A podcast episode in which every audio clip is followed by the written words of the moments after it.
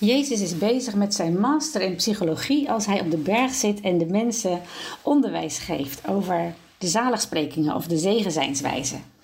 En wij zijn bij de vijfde uitgekomen en eh, die staat in vers 7. Gelukkig de barmhartigen, want zij zullen barmhartigheid ondervinden.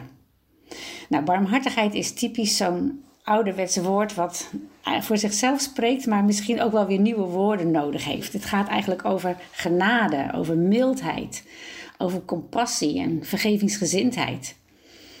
In het Engels uh, staat blessed are the merciful. En merciful is zo'n woord dat dat eigenlijk allemaal ineens omvat. In een gezegend leven is er eigenlijk altijd genade aanwezig. Een ongezegend leven, dat is dat je hart vol is van gedachten waarbij je vergelijkingslijstjes bijhoudt, waar je wraak en bitterheid voelt. En vaak wordt dat ongenoegen nog versterkt door een lichamelijk effect daarvan. Als je een genadeloze gedachtegang hebt, gaat ook je lijf reageren. Dan krijg je stress en een hoge bloeddruk. Weet je, de, deze richtlijnen van Jezus, die slaan niet alleen op zijn leven, over, op, op hoe hij was, maar die wijzen ook naar wat goed is voor jou en mij. Ons innerlijk is gemaakt voor de waarheid. Waarheid die in Gods woord zichtbaar is.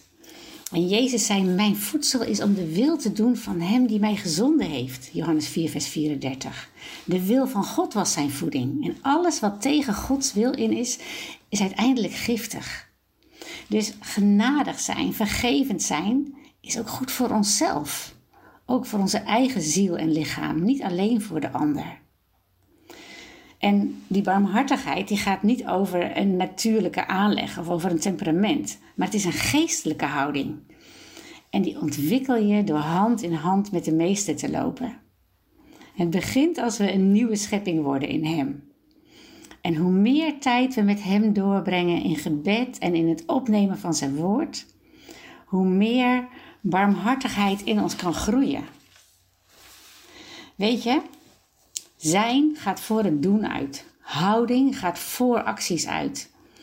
En het mooie is dat het diep in ons, is, in ons wordt gelegd door het dienende werk van de Heilige Geest, die aanwezig mag zijn in jou en mij. Nou, de gedachte onder merciful is dus die van compassie en betrokkenheid en meeleven met de ander. En het Griekse woord elimon, dat hier gebruikt wordt, wordt ook gebruikt in verband met de hoge priesterlijke bediening van Christus.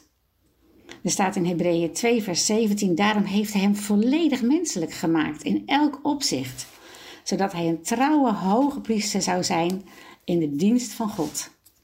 En in dat voorbeeld mogen jij en ik volgen in onze barmhartigheid.